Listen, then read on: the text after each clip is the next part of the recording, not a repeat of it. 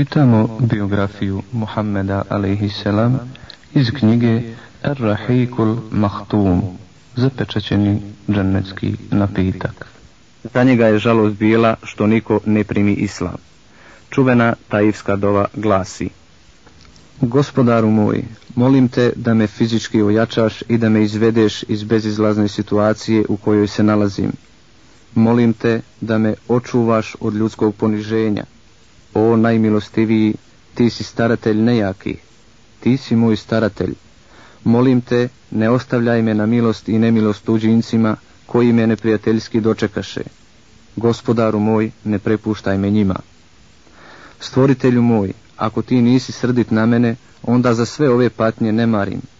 Tvoja briga o meni je prevelika, stoga utječem se svjetlu tvoga lica, kojim si rastirao tamu i uz pomoć kojeg upravljaš ovim i budućim svijetom. I molim te, skini svoju sržbu s mene. Obdari me svojom milošću dok ne postignem tvoje zadovoljstvo. Niko nema snage i moći osim tebe. Kada ga ugledaše dva rebijatova sina u ovom teškom stanju, probudi se u njima osjećaj milosti i pozvaše jednog dječaka, malog kršćanina roba, zvanog Addas i rekoše mu, nosi ovaj grozd onom čovjeku. Kada dječak dođe do Resulullaha a.s. dade mu grožđe, a Resulullah a.s. pruži ruku i reče, Bismillah, u ime Allaha, a zatim pojede. A da reče, ovako ne govori narod ovog kraja, a Resulullah a.s. ga upita, odakle si ti i koje si vjere? A on reče, ja sam kršćanin iz Ninive.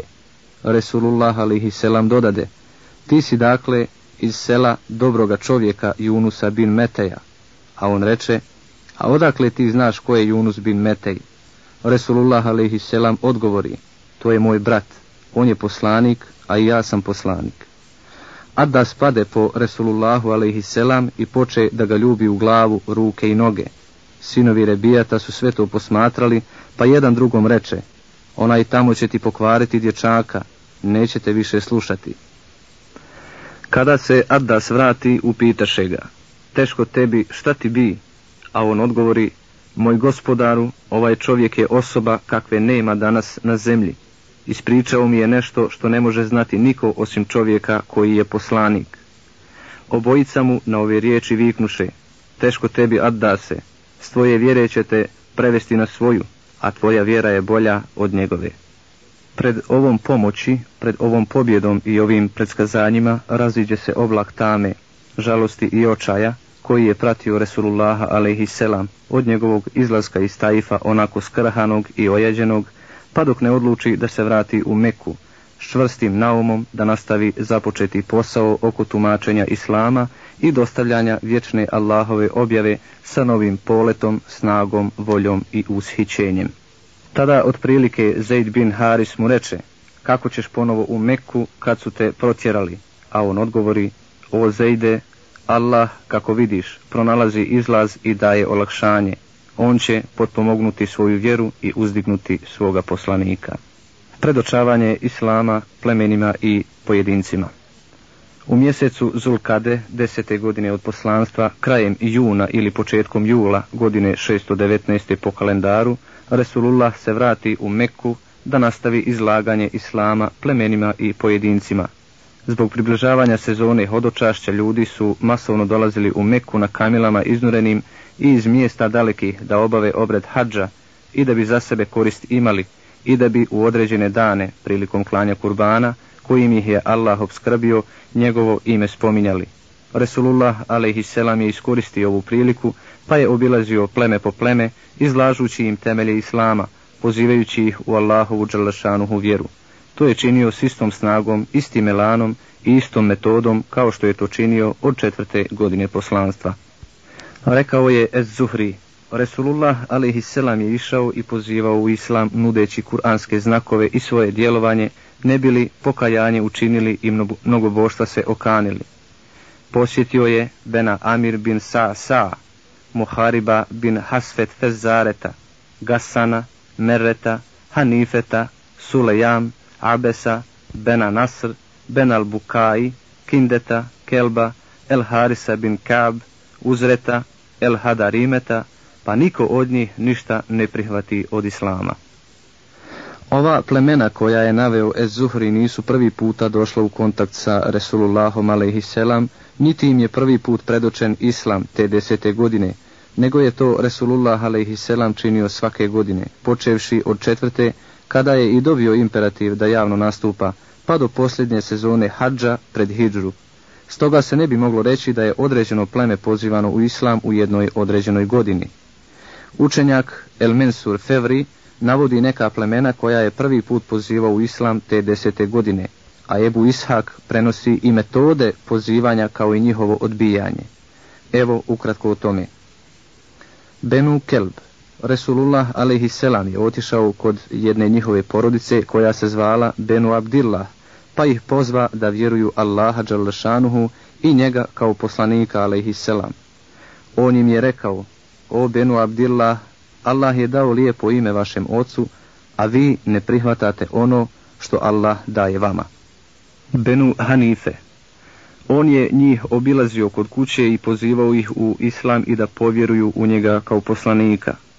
Niko od Arapa nije ružnije odbio ponudu kao što su oni. Benu Amir bin Sa Sa je starješina kod koga je otišao Rasulullah alaihisselam i pozvao ih u islam, da vjeruju jednog Allaha Đerlešanuhu i priznaju njega za Allahovog poslanika.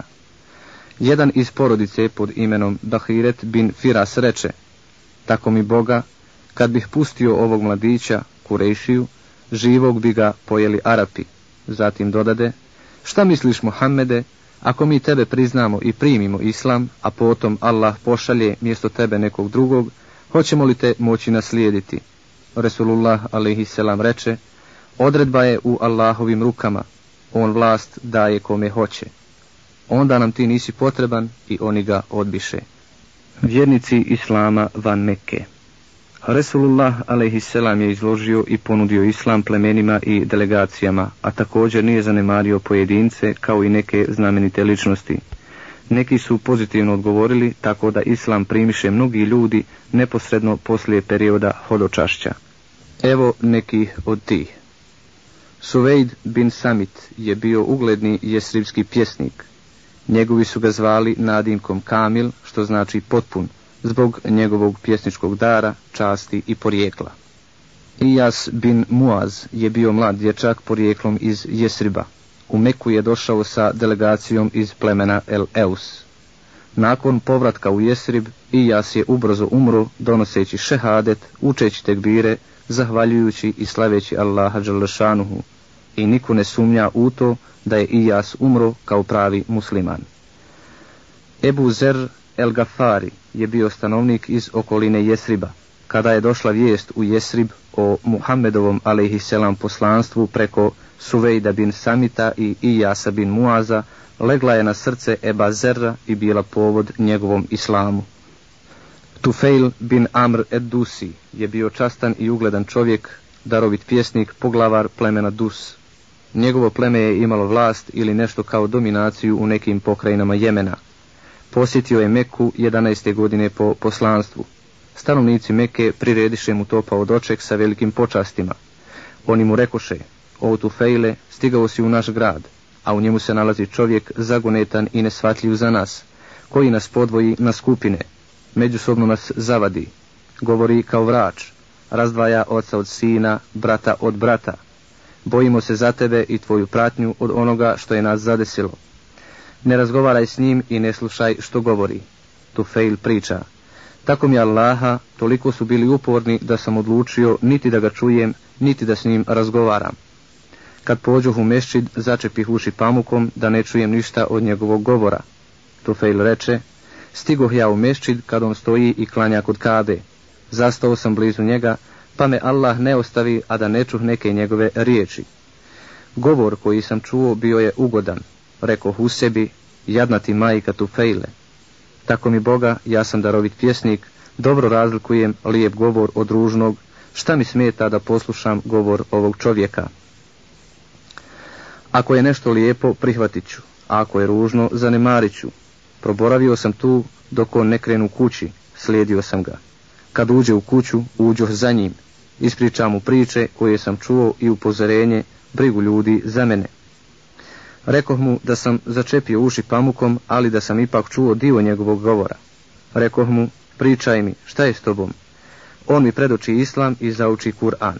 Tako mi Boga, nikad do tada nisam čuo ništa ljepše od toga. Kakav divan govor.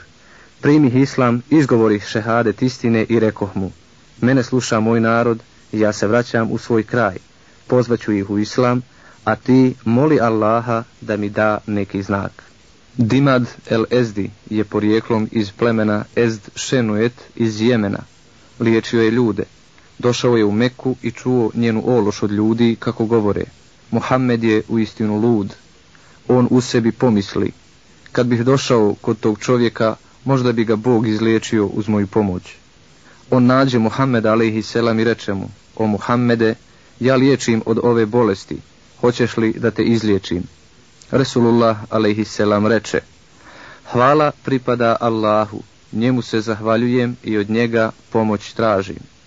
Koga Allah uputi, taj neće zalutati, a koga on u zabludu dovede, nikoga iz nje ne može izvesti. Ja svjedočim da nema drugog Boga osim Allaha, jednog jedinog. On nema suparnika i svjedočim da je Muhammed njegov rob i njegov poslanik. A sad, reče El Ezdi, ponovi mi ove tvoje riječi. Resulullah alaihisselam ih ponovi tri puta, pa ovaj reče. Slušao sam riječi čarobnjaka i vrača i riječi pjesnika, ali još ovako nešto nisam čuo. Tvoje riječi nadmašuju svaki govor. Pruži svoju ruku da ti se zakunem na islam. Bismillahirrahmanirrahim. El Isra vel Mi'raj. Resulullah selam je provodio izuzetno težak period u životu kračeći trnoviti put islamu. Njegova misija širenja Allahove džerlešanuhu vjere doživljavala je uspjehe i padove. A tamo, negdje u dalekim božanskim prostorima, treperile su sjajne zvijezde koje su šaputale o novim uspjesima. U tom periodu, između uspjeha i razočarenja, desio se događaj Isra i Mi'rađa, o kome ćemo opširnije govoriti zbog njegove velike duhovne vrijednosti. Postoji više mišljenja o vremenu u kome se desio Isra i Mi'rađ. Evo nekih od njih.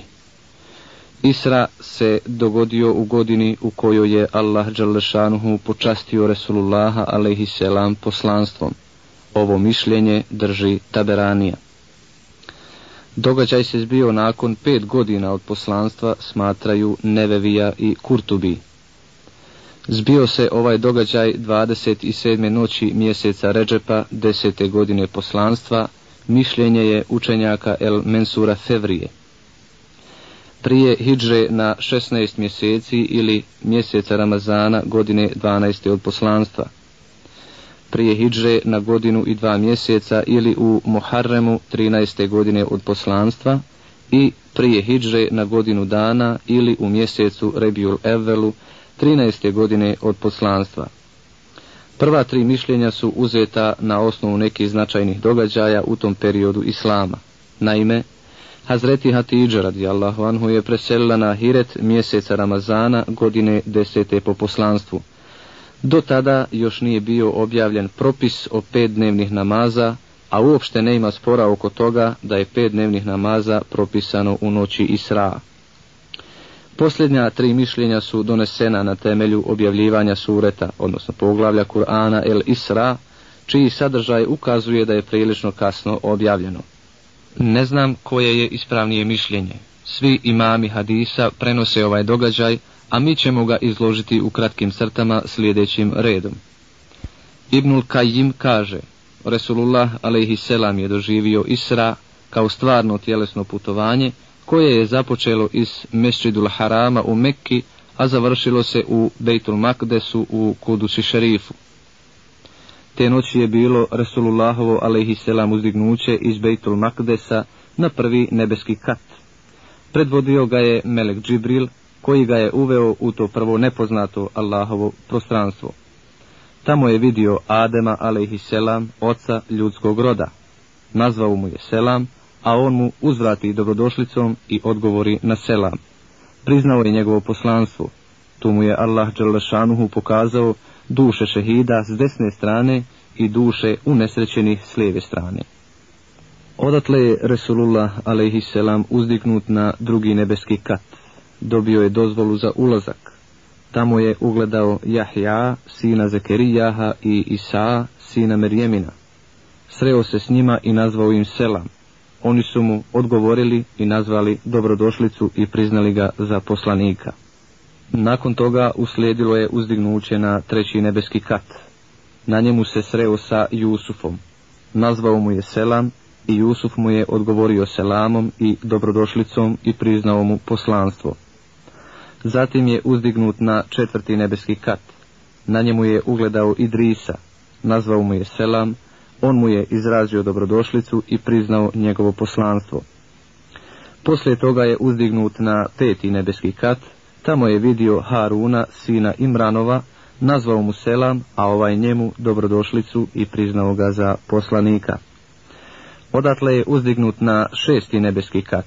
Tu se sreo sa Musaom, sinom Imranovim. Nazvao mu je selam, a on njemu dobrodošlicu, i on je priznao njegovo poslanstvo. Kada je napuštao šesti nebeski kat, Musa je zaplakao. Upitan je, šta te to navede na plač? On odgovori, plačem zbog toga što će narod dječaka koji je iza mene došao za poslanika, biti brojniji u džennetu od mog naroda. Poslije ovog razgovora, Resulullah a.s. je uzdignut na sedmi nebeski kat. Tamo je sreo Ibrahima a.s. Nazvao mu je selam, a on njemu dobrodošlicu i priznao ga za poslanika. Nakon ovog putovanja, Resulullah a.s. je uzdignut do Sidretul Munteha, konačne perde, a odatle u Allahovo obzorje. Sasvim se približio svevišnjem uzvišenom Allahu Đalešanuhu, zatim se približio, pa nadnio blizu koliko dva luka ili bliže. Objavio je robu svome ono što je objavio. Tu mu je propisano klanjanje 50 dnevnih namaza. Resulullah a.s. je krenuo nazad. Kada je prolazio pokraj Musaa, ovaj ga upita, šta ti je naređeno? Odgovori, klanjanje 50 dnevnih namaza. Musa reče, tvoj umet neće biti u stanju da to izvršava vrati se svome gospodaru i moli ga da olakša tvom ummetu. Resulullah a.s. se okrenu Meleku Džibrilu, kao da od njega tražiš savjet. On mu potvrdno naišareti, da, ako to ti želiš. Džibril ga uzdignu ponovo kod silnog, slavljenog i uzvišenog Allaha Đalšanuhu, koji je bio na svom mjestu. Ovo je dio Buharine rečenice, umetnut u pojedinim predanjima hadisa, Allah Đalašanuhu mu skide s dužnosti deset namaza. Poslanik, alaihi selam, se spustio do Musa i obavijesti ga. Musa reče, vrati se gospodaru svome i moli ga da olakša umetu tvome. Tako je Resulullah alaihi selam odlazio tamo amo između Musa i gospodara svoga uzvišenog, dok mu nije ograničio broj namaza na konačnih pet. Poslije toga Musa ga je još jedan put poslao gore, a Resulullah a.s. je odgovorio, dosta sam dobio od gospodara moga, zadovoljan sam i prihvatam. Kada se Resulullah a.s. udalio, javi mu se glas. Sproveo sam svoju naredbu i olakšao svojim robovima. U ovom periodu ponovila se muadžiza čišćenja Resulullahovih a.s. grudi, kao što su se desili i još neki događaji. Ponuđeno je Resulullahu mlijeko i vino, on izabra mlijeko, pa mu je rečeno, upućen si na pravi put ili pogodio si pravi put, a da si slučajno uzeo vino, tvoj ummet bi bio zaveden. Resulullah a.s. je vidio četiri rijeke u džennetu, dvije znane i dvije neznane. Dvije znane rijeke su Nil i Eufrat. Njihova simbolika je značila da će se islam udomaćiti u plodnim dolinama tih dviju rijeka i da će stanovnici njihovih tokova biti nosioci islama s generacije na generaciju. Pod ovim se nije podrazumijevalo da ove dvije rijeke izviru u džennetu. Resulullah alaihisselam je vidio vladara, džehennemskog prostranstva, namrštenog kosmatog lica, bez osmijeha i vedrine. Također je vidio džennet i džehennem. Na nebesima je vidio izjelice jetimskog imetka u teškim patnjama. Usne su im bile kao gubice deva. Žvakali su komade vatre džehennemske, kamenje usijano, koje je izbijalo kroz njihova leđa. Vidio je izjelice kamate s ogromnim trbusima, zbog kojih se nisu mogli pomjeriti s mjesta. Pokraj njih su prolazili faraonovi sljedbenici i dok one prži džehennemska vatra, ovi gaze po njima. Vidio je bludnike, u rukama su držali debelo ukusno meso, uporedo sa mršavim smrdljivim mesom. Jedu od ovog drugog, a ostavljaju ono prvo bolje. I vidio je žene koje su svojim muževima podmetale tuđu djecu. One će trajno visiti obješene za grudi. Vidio je mekanske karavane u odlasku i povratku s puta. Upozorio je vodiče na odbjeglu devu na čelu karavane i napio se vode iz njihovog pokrivenog suda dok su oni spavali. Ostavio je posudu opet pokrivenu. Sve je ovo ukazivalo na istinitost njegove priče koju je sljedećeg jutra ispričao poslije noćnog putovanja. Sud i tajne koje se kriju iza pojedinosti ovog putovanja predstavljaju predmet izučavanja koji će u sebi sadržavati uvijek dozu misterije. Međutim, ima nekih razumnih pitanja. Kako će se to vojstvo prenijeti na poslanika alaihisselam i njegove sljedbenike u vrijeme dok on luta obroncima Mekke, proganjan od ljudi? Ovo pitanje skida pokrivač s jedne s druge stvarnosti, a to je da ovaj krug islamskog djelovanja samo što se nije zatvorio jednim zaokruženjem i okončanjem i da treba da počne drugi krug koji će biti u potpunosti različit od prvog svojim sadržajem i svojim tokovima. Ali muslimani, kao da su već odavno na zemlji, uzeli su stvar pod svoju kontrolu i izgradili čvrstu jedinku oko koje će se okretati čitav društveni sistem. U tome je nagovještaj da će Resulullah a.s. naći utočište i sigurnost van Mekke, da će se njegova situacija poboljšati i da će formirati centar iz koga će se širiti vjera islam širom cijelog svijeta. To je jedna od tajni ovog Mubarek putovanja koje se veže za našu studiju, pa smo to i naveli. Zbog ovakve mudrosti i njoj slični, vidimo da se putovanje Isra dogodilo neposredno pred prvu prisegu na Akabi ili između dvije prisege, a Allah najbolje zna. Bismillahirrahmanirrahim prva prisega na Akabi. Ranije smo spomenuli šest osoba stanovnika Jesriba koji su primili islam u vrijeme hodočašća, godine 11. po poslanstvu. Oni su tada obećali Resulullahu da će širiti islam u svom narodu. Tok događaja je htio da je sljedeće godine 12. hidžetske u mjesecu julu 621. po kalendaru na hodočašće došlo 12 ljudi, među kojima je pet iz one grupe od šest koja se srela sa Resulullahom alaihisselam protekle godine. Šesti, Džabir bin Abdullah bin Raib, nije došao. Osim njih došlo je sedam novih muslimana. Pet ih je bilo iz plemena El Hazređ, a dvojica iz plemena El Eus. Ova grupa se sastade sa Resulullahom alaihisselam kod Akabe na Mini, pa dadoše svoje obećanje na vjernost Resulullahu onako kako mu dadoše žene prilikom oslobođenja Mekke, o čemu ćemo govoriti. Prenosi Buharija od Ubadet bin Samita da je Resulullah a.s. rekao Dođite i dajte mi čvrsto obećanje na vjernost i da nećete Allahu ništa ravnim smatrati, da nećete krasti, blud činiti, djetu svoju ubijati i da nećete laž i potvoru na svoje žene bacati i da mi nećete ni u čemu što je dobro poslušnost odricati. Ko od vas prihvati, nagrada mu je kod Allaha, a ko iznevjeri bilo šta od ovoga, bit će kažnjen na ovom dunjaluku i to će mu biti otkup za grijeh. Ko od ovoga nešto prekrši, pa ga Allah pokrije, on će mu i kaznu odrediti ako hoće ili oprostiti ako hoće. Pošto se prisega na vjernost završila i prošao period hodočašća, Resulullah a.s. otremi sa ovom grupom muslimana prvog svog posrednika u Jesrib, da podučava tamošnje muslimane islamskim propisima i da ih uputi u praktikovanje vjere. On će širiti islam među tamošnjim nevjernicima. Za ovu misiju odabra mladića iz redova muslimana koji je među prvima prigrlio vjeru Bio je to Musab bin Umeir, radijallahu anhu. Musab bin Umeir se nastani kod Esad bin Zerareta i njih dvojica počeše s velikim entuzijazmom i odvažnošću tumačiti islam u Jesribu. Musab je bio poznat pod nadimkom Učač.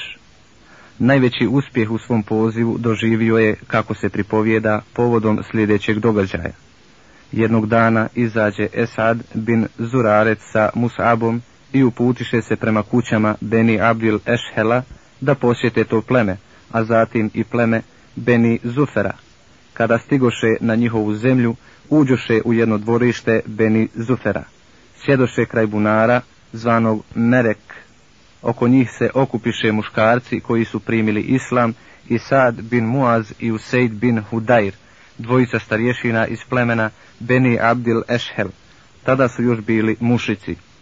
Kada su čuli šta priča, Sad reče Useidu, idi i ovu dvojicu koja dođuše da ponize našu nejač, otjeraj i zabrani im da dolaze našim kućama. Esad bin Zeraret je sin moje tetke, da nije to, sam bih se obračunao sa njima.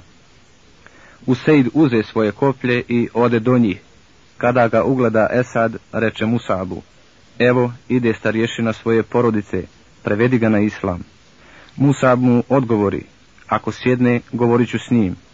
Useid im priđe namršten, spreman da ih psuje, stade i upita, zašto ste došli kod nas? Je li da ponizite našu nejač? Ostavite nas na miru i idite, ako vam trebaju vaše glave. Musab mu se obrati. Zar nećeš sjesti sa nama i čuti, pa ako ti se dopadne prihvati, a ako ne dopadne odbi to što mrziš. Useid reče, uspio si me nagovoriti, zatim zabode koplje u zemlju i sjede. Musab mu poče pričati o islamu, a zatim mu prouči odlomak iz Kur'ana. Musab je rekao, tako mi Allaha, na licu mu se čitao islam, prije nego je i progovorio. On zatim reče, kako je divan i kako je krasan ovaj govor, šta činite kada želite primiti ovu vjeru. Musab i Esad rekoše, operi se, očisti svoju odjeću i posvjedoči istinitim kelime i šehadetom, zatim klanjaj dva rekata. On potom reče, tamo iza mene je čovjek, ako on pristane uz vas i sav će njegov narod pristati. Ja ću ga uputiti do vas, odmah, to je Sad bin Muaz. Zatim Useid uze svoje koplje i ode do Sad bin Muaza. Sjedio je u svom dvorištu. Sad reče, ljudi, kunem se Bogom, da se Useid vraća drugačiji nego što je otišao od nas. Kada zastade Useid kod njih, Sad mu reče, šta si učinio? On odgovori, razgovarao sam s onom dvojicom i tako mi Boga nisam ništa loše primijetio. Zabranio sam im da tamo sjede, a oni rekoše, učinit ćemo kako ti je drago. Ispričao sam im da su ljudi iz Beni Hariseta krenuli da ubiju Esad bin Zurareta, jer su saznali da je sin tvoje tetke. Sad ustade srdit zbog onog što je čuo, uze svoje koplje i krenu prema Musabu i Esadu. Kada ih ugleda smirene, svati da je Useid želio da ih on sasluša. On im se obrati podrugljivo i reče Esadu bin Zuraret, tako mi Boga, o Ebu Emamet, da nismo tako bliski rođaci, pogodio bih te ovim kopljem, gušiš nas u našoj kući s onim što mrzimo. Esad je ranije rekao Musabu, doći će ti starješina koji ima za sobom narod, ako njega pridobiješ, pridobio si sve njih.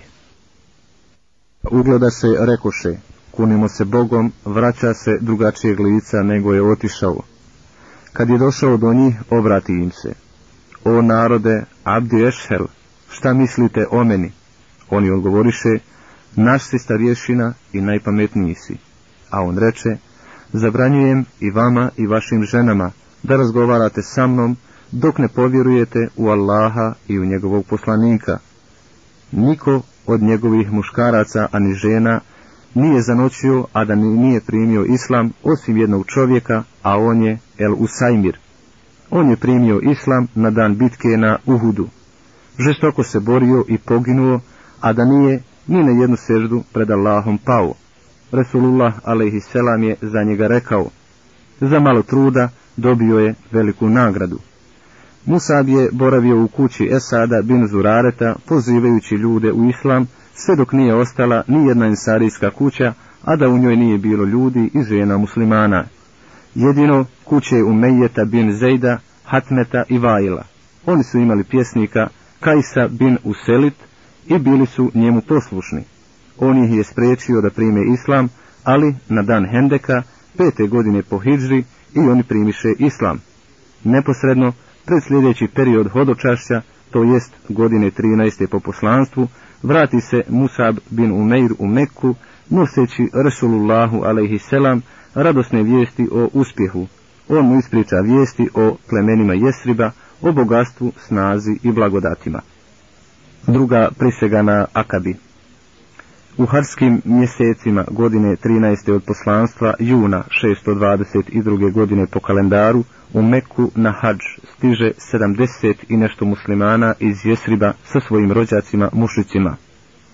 Usput su se ovi muslimani međusobno pitali dokle će dozvoliti da se Resulullah a.s. pati, strahuje i tumara mekanskim brdima. Kada stigoše u Meku, uspostaviše tajni kontakt sa Resulullahom a.s tokom kojeg se dogovoriše da se sastanu polovinom hađijskog praznika, Kurban Bajrama, na mjestu Ešuab, kod Akabe, kod prvog džemreta, mjesta gdje hađije bacaju kamenčiće na šeitana, na mini. Sastanak treba da se održi u potpunoj tajnosti u srednoći. Iskoristit ćemo moment da nam o tome ispriča učesnik tog skupa, predstavnik Ensarija, ne zaboravljajući da je taj sastanak od velikog historijskog značaja i da je iz temelja promijenio kolotečinu neprekidnog sukoba između idolatrije i islama. Kab bin Malik el Ensari radijallahu anhu ovako opisuje taj događaj. Krenuli smo da obavimo hađske obrede i da se sastanemo sa Resulullahom alaihi sredinom Bajrama noću. Sa nama je bio Abdullah bin Amr bin Haram, jedan od naših starješina, častan i poštovan od naroda, Poveli smo ga na sastanak, a stvar smo krili od mušrika koji su došli sa nama iz Jesriba. Obavijesti smo našeg starješinu za sastanak i obrati smo mu se riječima. O Džabirov oče, ti si jedan od naših starješina, častan i poštovan. Bojimo se zate da ne budeš sutra gorivo za džehennem. Zatim ga pozva smo u islam i obavijesti smo o sastanku sa Resulullahom alaihisselam na Akabi. On reče, primio je islam i prisustvovao je sa nama sastanku na Akabi, a bio je poglavar. Kab priča. Te noći smo legli spavati zajedno sa našim hodočasnicima iz Jesriba. Kada je prošla prva trećina noći, iskali smo se iz šatora na sastanak sa Resulullahom alaihisselam. Jedan po jedan kranom smo se šunjali, dok ne stigo smo na dogovoreno mjesto. Bilo nas je 73 muškarca i dvije žene. Očekivali smo dolazak Resulullaha alaihisselam. On se pomoli, a sa njime Amidžamu El Abbas bin Abdul Muttalib, tada još uvijek u staroj vjeri. On je izrazio pred Mohamedom a.s. želju da prisustvuje tom skupu, koji je od životne važnosti za njegovog bratića. On je prvi i govorio na tom skupu. Pošto su svi prispjeli na sastanak, počele su diskusije o učvršćivanju vjerskog i vojnog saveza. Prvi govornik je bio Abbas bin Abdul Muttalib, koji poče sasvim otvoreno objašnjavati težinu odgovornosti koja će pasti na njihova pleća kao rezultat ovog saveza. On reče, o narode Hazređa, Arapi su Ensarije zvali Hazrežlijama, u koje su ubrajali i El Evsove. Mohamed je naš čovjek, vi to dobro znate. Mi smo ga štitili od našeg naroda zbog svih njegovih kvaliteta koje ima. On ima ugled, ali i zaštitu u svom kraju. Međutim, on ništa od ovoga ne želi, već hoće da se iseli kod vas i da vam se pridruži, ako smatrate da ste saglasni s njim i sa onim što on tumači i zbog čega ste ga pozvali, te ako ćete ga štititi od onih koji se ne slažu s njim, onda odgovornost primite na sebe. Ako pak mislite da ga napustite i iznevirite, nakon što ode odavde, ja mu odmah velim, ne idi, imaš čast, ugled i zaštitu od svojih u svom mjestu. Kab reče, Reko smo mu, čuli smo šta si rekao, govori ti o Boži poslaniče i izaberi za sebe i svog gospodara ono što više voliš. Ovakav odgovor Ensarija ukazuje na njihovu veliku odlučnost i hrabrost, na njihov jak iman i veliku privrženost u prihvatanju na sebe velike odgovornosti i snošenju svih kobnih posljedica. Resulullah a.s. nakon toga iznese svoj stav i savez se uspostavi. Muslimani su uz ovakav iman uspjeli da ispišu historiju svojim dijelima i da ostave svoje tragove koje nije izbrisala prošlost, s kojima se ponosi sadašnjost, a bez njih neće ostati ni budućnost. Bismillahirrahmanirrahim, prethodnica Hidžre. Poslije završetka druge priseke na Akabi i nakon što je Islam uspio steći sebi domovinu usred pustinje zadojene nevjerstvom i neznanjem, a to je bila najveća dobit za Islam od njegovog početka, Resulullah alaihisselam dozvoli muslimanima da se isele u novu domovinu, to jest da učine hijđru. Hidžra je predstavljala zanemarivanje ličnih interesa, žrtovanje imovine i spašavanje golog života. Čovjek je svjestan šta gubi, svjestan je da je legalno opljačkan i da može propasti bilo na početku ili na kraju svoga puta, ali on kreće u nepoznatu budućnost, znajući sigurno da iza sebe ostavlja tugu i razočarenje. Muslimani se počeše iseljavati, iako su sve to znali, a nevjernici se ispriječiše između njih i njihovog izlaska i počiniše nova zla nad muslimanima. Buharija prenosi od Aiše radijallahu an koja kaže Resulullah alaihisselam je rekao muslimanima da je vidio mjesto u koje će se oni iseliti. To će biti kod palme koja se nalazi između dvije vulkanske stijene i tako je otpočela hijra prema Medini. U Medinu su se vratili i svi muhađiri iz Abesinije i Ebu Bekr se spremio da ide u Medinu, a poslanik alaihisselam mu reče ja želim da dobijem dozvolu za put, a Ebu Bekr mu odgovori, a hoćeš li je zaista dobiti?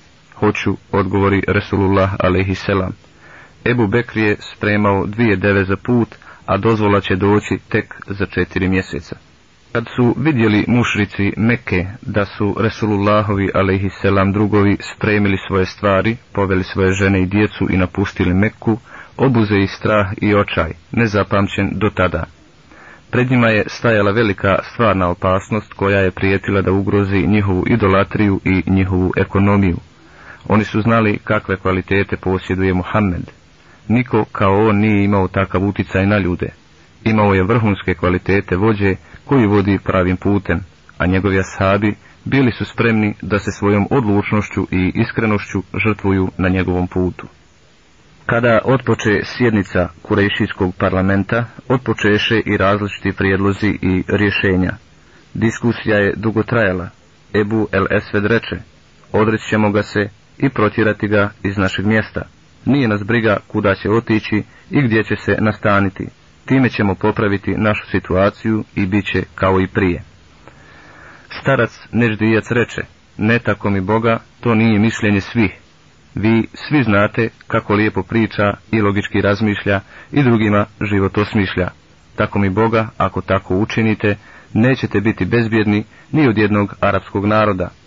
Gdje god bude bio, oni će ga prihvatiti, a zatim se okrenuti protiv nas. Pobjedit će vas i onda će on činiti s vama šta hoće. Tražite za njega drugo rješenje. Ebul Buhturi reče, okujte ga u željezo, zaključajte ga u tamnicu, a zatim gledajte kako će ga snaći zlo koje je snašlo i one pjesnike koji su bili prije njega. Nakon što parlamentarci odbiše oba ova prijedloga, pojavi se i treći prijedlog s kojim se složiše svi prisutni i kojeg usvojiše. Naime, najveći izlikovac Mekke, Ebu Džehl bin Hišam, pristupi i reče Tako mi Boga, ja imam rješenje, smatram da ćete svi biti za njega. Rekoše, ko je Ebul Hakeme? On odgovori, Smatram da treba uzeti iz svakog plemena po jednog snažnog i zdravog mladića da nas predstavlja i da svakom od njih damo ubojitu sablju, da odu do njega i da ga ubiju svi odjednom. Kada je donešena strašna odluka da ubiju Resulullaha alaihisselam, dođe Džibril sa objavom od uzvišenog i slavljenog gospodara i obavijesti Resulullaha alaihisselam o zavjeri Kurejšija protiv njega i ujedno o Allahovoj dozvoli za izlazak iz Mekke on mu odredi vrijeme hijđre govoreći, ne spavaj noćas na svojoj postelji na kojoj si do sada spavao. Resulullah alaihisselam odnese svoj prtljag kod Ebu Bekra radijallahu anhu i da se s njim dogovori o planu za put. A Iša radijallahu anha priča. Sjedili smo u kući Ebu Bekra iza podneva kad neko reče Ebu Bekru. Resulullah alaihisselam dolazi. Dolazi u vrijeme u koje nije nikada dolazio. Pa Ebu Bekr reče. Svi su ovdje tvoji. Uđi o poslaniče. Resulullah reče. Došla mi je dozvola za odlazak a Ebu Bekr reče, u tvom društvu, tako mi Allaha i ja. Resulullah alaihisselam odgovori, da. Kurešijski plan i pored vrhunske i precizne pripreme da se sprovede u dijelo, totalno propade. U kobnom trenutku Resulullah alaihisselam reče Ali bin Ebi Talibu, lezi na moju postelju, obuci ovu moju zelenu hadramijsku, burdu, spavaj u njoj, neće ti se ništa loše dogoditi od njih. Resulullah selam je prilikom spavanja oblačio ovaj isti ogrtač. Nakon toga Resulullah selam izađe iz kuće, probi njihove redove, uze šaku pijeska i prosuga po njihovim glavama. Allah dželešanuhu im zaslijepi vid pa ga ne vidješe. Resulullah selam napušti svoju kuću 27. noći mjeseca Safera, godine 14. po poslanstvu, odgovarajućeg 12. na 13. septembra 622. godine po kalendaru. Kada su došli do pećine, koja od tada postade poznata u historiji pod imenom Sevr, Ebu Bekr reče, tako mi Allaha nećeš unići dok ja prvi ne uđem, pa ako bude kakve opasnosti, neka mene zadesi, a ne tebe.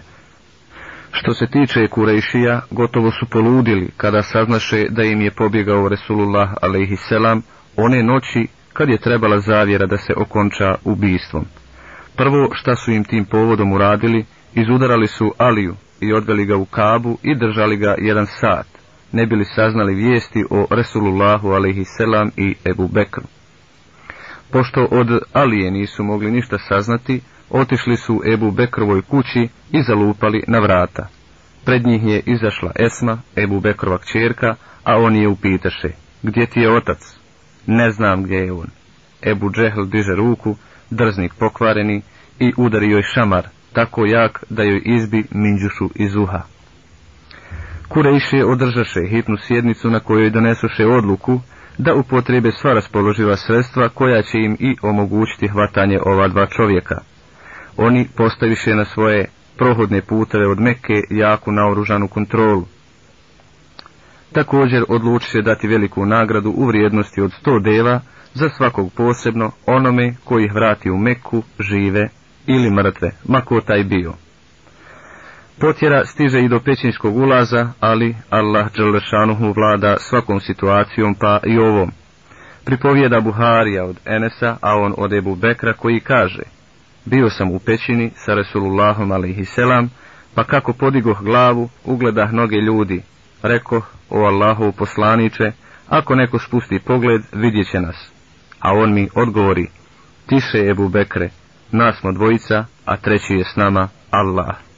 Kad se stiša strast progonitelja i prestaše kontrole putova i kada opade interes za nagradom, jer su izgubili nadu da će ih pronaći i poslije totalnog neuspjeha Kurejšija da dođu do ikakvih saznanja, za tri protekla dana ukaza se prilika Resulullahu alaihisselam i njegovom saputniku da krenu za Medinu. U ponedjeljak 8. Rebiul Evela godine 14. od poslanstva ili prve godine Hidžetske ili 23. septembra 622. godine po kalendaru, stiže Resulullah alaihisselam u Kuba. Toga dana cijela Medina se digla na noge radi dočeka, a prizor je bio toliko veličanstven da ga do tada ne pamti medinska historija. Mesđid u Kubi je prvi mesđid sagrađen u bogobojaznosti otkako je Resulullah alaihisselam počeo dobivati objavu. Poslije džume uđe Resulullah u Medinu i od toga dana Jesrib dobi ime grad Resulullaha alaihisselam. Medinetu Resulullahi, ili kraće Medina. Ovo je uistinu bio historijski dan. Stanovništvo Medine, nasmijano i razdrgano, uz tekbire i veličanje, izašlo je iz kuća i zakračili puteve. Ensarije, iako nisu bili ljudi od velikog bogatstva, ipak je svaki od Ensarija želio da ugosti kod sebe Resulullaha alaihisselam. Nije mogao Resulullah alaihisselam proći ni pokraj jedne njihove kuće, a da nisu vukli sebi povodac njegove deve, izgovarajući pozdrav i dobrodošlicu. Resulullah alaihisselam im je odgovarao, pustite je neka ide, njoj je naređeno dokle, i tako su išli polako, dok deva ne stiže na mjesto današnjeg Resulullahovog alaihisselam mesčida. Ovdje se završava jedan period Resulullahovog života i završava se dio njegovog poslaničkog islamskog djelovanja koji se zove Mekanski život i rad Resulullaha alaihisselam. Bismillahirrahmanirrahim. Stvarno stanje u Medini prilikom hijre. Hidžra nije značila samo oslobađanje od smutnji i izrugivanja, nego je imala značenje potpomaganja i saradnje na uspostavljanju temeljanovog društva u bezvjednoj zemlji. Stoga je hidžra postala farz, neprekosnovena dužnost svakog muslimana sposobnog da priskoči u pomoć izgradnji ove nove domovine i da na tom putu utroši svu svoju snagu za njeno utemeljenje, uzdizanje i njen ugled. Bez svake sumnje, Resulullah a.s. je bio njen imam i onaj koji upućuje na pravi put kako treba da se izgrađuje to društvo. Imao je svakako nezgodnih i neuspornih situacija. Narod u Medini, na koji je naišao Resulullah, sastajao se iz tri klase. Svaka klasa se vidljivo razlikovalo od ostalih na svoj način. Resulullah a.s. je morao imati različite metode u obhođenju sa svakom od ovih klasa, jer su im problemi bili sasvim druge prirode. Te tri klase ljudi su njegovi drugovi, elita časnih i privrženih Resulullahu selam. Nevjernici koji još nisu primili islam, a čisto su plemena medinskog porijekla, i jevreji ili jehudije. Problemi koje je Rasulullah imao u vezi sa ashabima su lakše prirode i vezani su za promjenu sredine i načina življenja. U Medini su uslovi bili sasvim drugačiji od onih u Mekki. U Mekki su se okupljali oko jedne riječi, imali su zajedničke ciljeve, ali su bili raštrkani po raznim mjestima i različitim kućama, proganjani i mučeni bez ikakvih građanskih prava. Najpreče što je Resulullah a.s. imao da čini za muslimane, a što je i njegova osnovna zadaća, bilo je tumačenje i širenje islama. Međutim, ovo nije bio i jedini njegov zadatak bilo je svakako drugih problema koje je trebalo hitno rješavati. Muslimani Medine činili su jednu skupinu vjernika sastavljenu od domaćih vjernika koji su bili na svojoj zemlji, u svojim domovima i sa svojim imetkom. Oni su bili zainteresovani za one stvari u kojima razmišlja svaki obezbjeđen i siguran čovjek. Među takvim ljudima postojalo je od pamti vijeka jedno mudro nadmetanje i hronična netrepeljivost to su ensarije. S druge strane su došljaci, muhađiri, koji su ostali bez svega navedenog. Oni su spasili svoj goli život i došli u Medinu. Nisu imali povratka nazad, nisu imali svoje zemlje, svojih domova, svoga posla od koga će život živjeti i za starost zarađivati. Broj ovih izbjeglica nije bio mali, a rastao je iz dana u dan, jer je hijđa odobrena svima koji su vjerovali u Allaha Đerlešanuhu i njegovog poslanika. Druga klasa ili druga struktura ljudi u Medini su bili domaći idolatrici, bezbožnici ili mušrici. Oni nisu imali nikakve vlasti nad muslimanima. Među njima je bilo oni koji su živjeli u nekom stanju nestabilnosti ili sumnje. Mnogi su se predomišljali da napuste vjeru svojih očeva. Oni, međutim, nisu ispoljavali neprijateljstvo i nestrpljivost prema muslimanima, a nije prošlo ni dugo vremena, a oni primiše islam i postadoše odani Allahovoj vjeri. Treća klasa ili substanca medinskog društva bili su jevreji. Oni su se naselili u Hidžaz u vrijeme nestorijanskog i rimljanskog ugnjetavanja. Oni su u stvari bili hebrejci, ali nakon doseljenja u Hidžaz prihvatiše arapske običaje u odjevanju, jeziku i kulturi tako da su pojedinci, a i plemena, nadjevali arapska imena. Ono što je za njih ipak najvažnije, sačuvali su nacionalno jedinstvo i nisu se nikada utopili u arapsku naciju. Ponosili su se svojim jevrejskim potomstvom. Oni nisu bili entuzijasti u širenju svoje vjere, ali su bili iskusni trgovci vjerom. Trgovali su optimističkim preskazanjima, vrađbinama, talismanima, čarolijama i sličnim, pa su stoga sebe smatrali superiornim znalcima, odabranim vođama i duhovnim vodičima.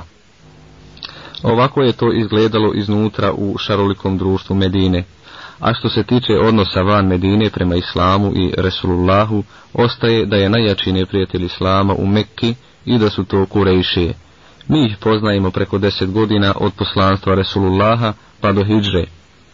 Dobro znamo što su učinili prema muslimanima dok su bili pod njihovom rukom, počevši od zastrašivanja, prijetnje, pritiska, izgladnjivanja, izolacije, progona i potjere. Oni su pokrenuli čitav jedan psihološki rat širokih razmjera i domena. Kada muslimani učiniše hidžu u Medinu, zauzeše njihovu zemlju, kuće i metak, razdvojiše i razrušiše porodična ognjišta i rodbinske veze, a povr svega zatvarali su i mučili koga su stigli zarobiti. Oni se nisu ni na ovome zadržavali, nego odlučiše ubiti Resulullah a.s. i time stati islamu u kraj. Oni na tom planu nisu žalili truda ni metka. Cilj je bio sprovesti plan zavjere u dijelo. Kada muslimani učiniše hidžu u Medinu, udaljenu od Meke 500 km, otpočeše politički rat s obzirom na svoje vjersko i trgovačko vojstvo među Arapima, jer oni su stanovnici Harema pod zaštitom Božje kuće i njene svetosti, pa će se i drugi mušrici Arabije okrenuti protiv stanovnika Medine. Smatrali su da će Medina biti u stalnom okruženju, te da će osiromašiti ekonomski, a i broj izbjeglica je rastao iz dana u dan. Doći se sigurno do rata između ovih zulumčara iz Meke i muslimana koji žive u svojoj novoj domovini. Muslimani su imali pravo da konfiskuju imovinu ovih drznika, kao što su oni konfiskovali njihovu imovinu, da im nanesu razne vrste poniženja, kao što su i oni njima, da im život učine teškim, kao što su i oni njima, te da im vrate sve istom mjerom. Ovo su problemi i pitanja sa kojima se susreo Resulullah a.s. nakon što dođe u Medinu kao Allahov poslanik i imam onaj koji upućuje pravim putem, vodi ih i predvodi. Resulullah a.s. otpoče u Medini svoju misiju duhovnog poglavara. Bio je prema svakom plemenu onakav kako je dotično pleme zasluživalo, blag ili oštar, pažljiv ili strog. Bez sumnje, milost je uvijek imala prednost nad strogošću, tako da Islam i njegovi sljedbenici preuzeše inicijativu na arabijskom poluotoku za nekoliko godina. Bismillahirrahmanirrahim. Izgrađivanje novog društva. Ranije smo spomenuli da je Resulullah a.s. došao u Medinu i odsjeo kod Beni Nadžara u petak 12. rebjul Evela prve godine Hidžetske ili 27. septembra 622. godine po kalendaru. Prvo se odmorio pred kućom Ebi Ejuba i rekao, ovdje je moj dom, ako Allah da, a potom je ušao u kuću. Prvi korak kojeg je učinio Resulullah a.s. je gradnja poslanikove džamije. Na mjestu gdje se zaustavila njegova deva, naredi da se gradi džamija. To zemljište je kupio od dvojice dječaka, jetima, u čijem vlasništvu je bilo, i sam je lično učestvovao u gradnji. Na mjestu gdje je otpočela gradnja džamije nalazili su se grobovi mušrika nevjernika. Bila je tu jedna rupčaga, nešto palmi i jedno stablo. Resulullah a.s. naredi da se mezalu prekopa, rupa zaravni, a palme i stablo posijeku. Zatim se odredi kibla koja je bila određena prema kudusu. Temelji su bili od kamena, a zidovi od čerpića i gline. Krov je bio od palminih grana. Tlo džamije prekriše pijeskom i prostriješe hasure. Džamija je imala troje vrata. Dužina od kible do ulaznih vrata iznosila je sto aršina, a širina slična toj ili malo manja. Temelji su bili visoki tri aršina. Mesčid nije bilo mjesto samo za namaz, bio je i škola u kojoj su muslimani saznavali islam, proučavali ga i učili. Tu su se okupljala različita plemena gdje su rješavali svoje sukobe, plemenske nesuglasice i netrpeljivosti. Tu su se donosile odluke o obustavi plemenskih ratova, Mešćid je bio ustanova u kojoj su se donosile sve odluke od životnog interesa muslimana. Na kraju, Mešćid je bio zgrada parlamenta gdje su se održavale sjednice šure, odnosno vijeća, i donosile odluke. Uz sve ovo, Mešćid je bio prihvatilište mnoge sirotinje i muhađira izbjeglica koji nisu imali svoje domove, ni imetka, ni rod, ni porod. Nakon što je Resulullah a.s. uradio ogromno dijelo izgradnju mešćida, centra za okupljanje i druženje muslimana, učinio je korak naprijed, pa je uradio još veću stvar. Pobratio je muhađire i ensarije. To bratimljenje polučilo je velike rezultate u izgradnji muslimanskog društva. Ibn El Kajim kaže, zatim Resulullah a.s. izvrši bratimljenje između muhađira i ensarija u kući Enes bin Malika, gdje je prisustvovalo 90 ljudi. Pola su bili muhađiri, a pola ensarije. Bratimljenje se temeljilo na potpomaganju i nasljeđivanju nakon smrti bezkrvnog srodstva. To je nasljeđe važilo do bitke na Bedru. Tada je Allah Đalašanuhu objavio da su rođaci jedni prema drugima preči. Tada se ukinu svako pravo na nasljedstvo osim putem srodstva. Nakon što je Resulullah a.s. učvrstio ugovor o bratimljenju među muslimanima, baci se na novi posao. Trebalo je sačiniti novi ugovor o eliminaciji svih navika, običaja koji su podsjećali na predislamski život. Nije od njih smjelo ostati ama baš nikakvog traga.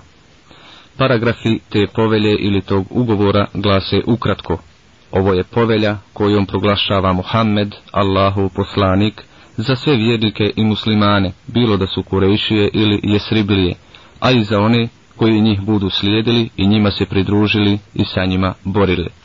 Ostale tačke povelje glase, oni su jedan narod, jedan ummet. Kurešijski muhađiri međusobno će brinuti o svom blagostanju. Vjernici mu'mini ne smiju ostaviti ni jednog siromaha, a da mu ne daju ono što je Allah dozvolio. Bogobojazni vjernici će biti protiv svih onih koji ih ugnjetavaju. Svi vjernici moraju biti protiv zla kao jedan, taman da je to zlo i od rođenog djeteta. Vjernik ne smije ubiti vjernika radi nevjernika. Vjernik ne smije pomoći nevjernika protiv vjernika. Allahova garancija je ista za sve, ali on uzima u zaštitu prvo najslabije od vas. Oni jevreji koji budu nas slijedili imaće pomoć od nas i u nama lijep uzor, osim onih koji su nasilje činili i međusobno se pomagali protiv nas. Muslimanski mir je nedjeljiv. Vjernici se moraju međusobno razdužiti ako su prolili jedni drugima krv na Božijem putu. Nevjerniku se ne može povjeriti u zaštitu imeta Kurejšija, ani ljudi, a niti ga se smije posjetati protiv vjernika. Ko ubije vjernika koji nije osuđen na smrt, sam će biti ubijen, izuzev ako mu oproste nasljednici ubijenog. Onaj koji je protiv vjernika, svi vjernici treba da se dignu protiv njega. Musliman ne smije podržavati i pomagati onoga koji uvodi novotarije u vjeru. Od takve osobe se ne prima pokajanje ani pravda. I za svaku stvar za koju ne mognete naći zajedničko rješenje, obratite se Allahu Đalešanuhu, odnosno potražite njeno rješenje u Kur'anu i Muhammedu a.s. potražite njeno rješenje koje može biti u hadisu. Iznad svega Resulullah a.s. je posticao na strpljivost i staloženost u teškim časovima. On je često navodio vrijednost sabura i umjerenosti. Problem je svodio na sitnice poput ogrebotine na licu čovjeka, osim da Allah sačuva ako je čovjek u situaciji da ne može otrapiti. Također je Resulullah tumačio vjernicima vrijednost praktikovanja vjere, nagrade i sevapu kod Allaha. Sve je to povezivao i potvrđivao objavom spuštenom sa nebesa. Učio je Kur'an i primjerom pokazivao kako i oni treba da rade i šta su dužni činiti prema obavezi širenja Islama. Tako je rastao ugled vjernika, obogaćen najvišim vrijednostima i najljepšim primjerima, dok ne postadoše uzvišeni primjer vjernika, kakvog ne poznavaše historija čovjecanstva nakon poslanika. Resulullah a.s. je posjedovao i neke vidljive osobine.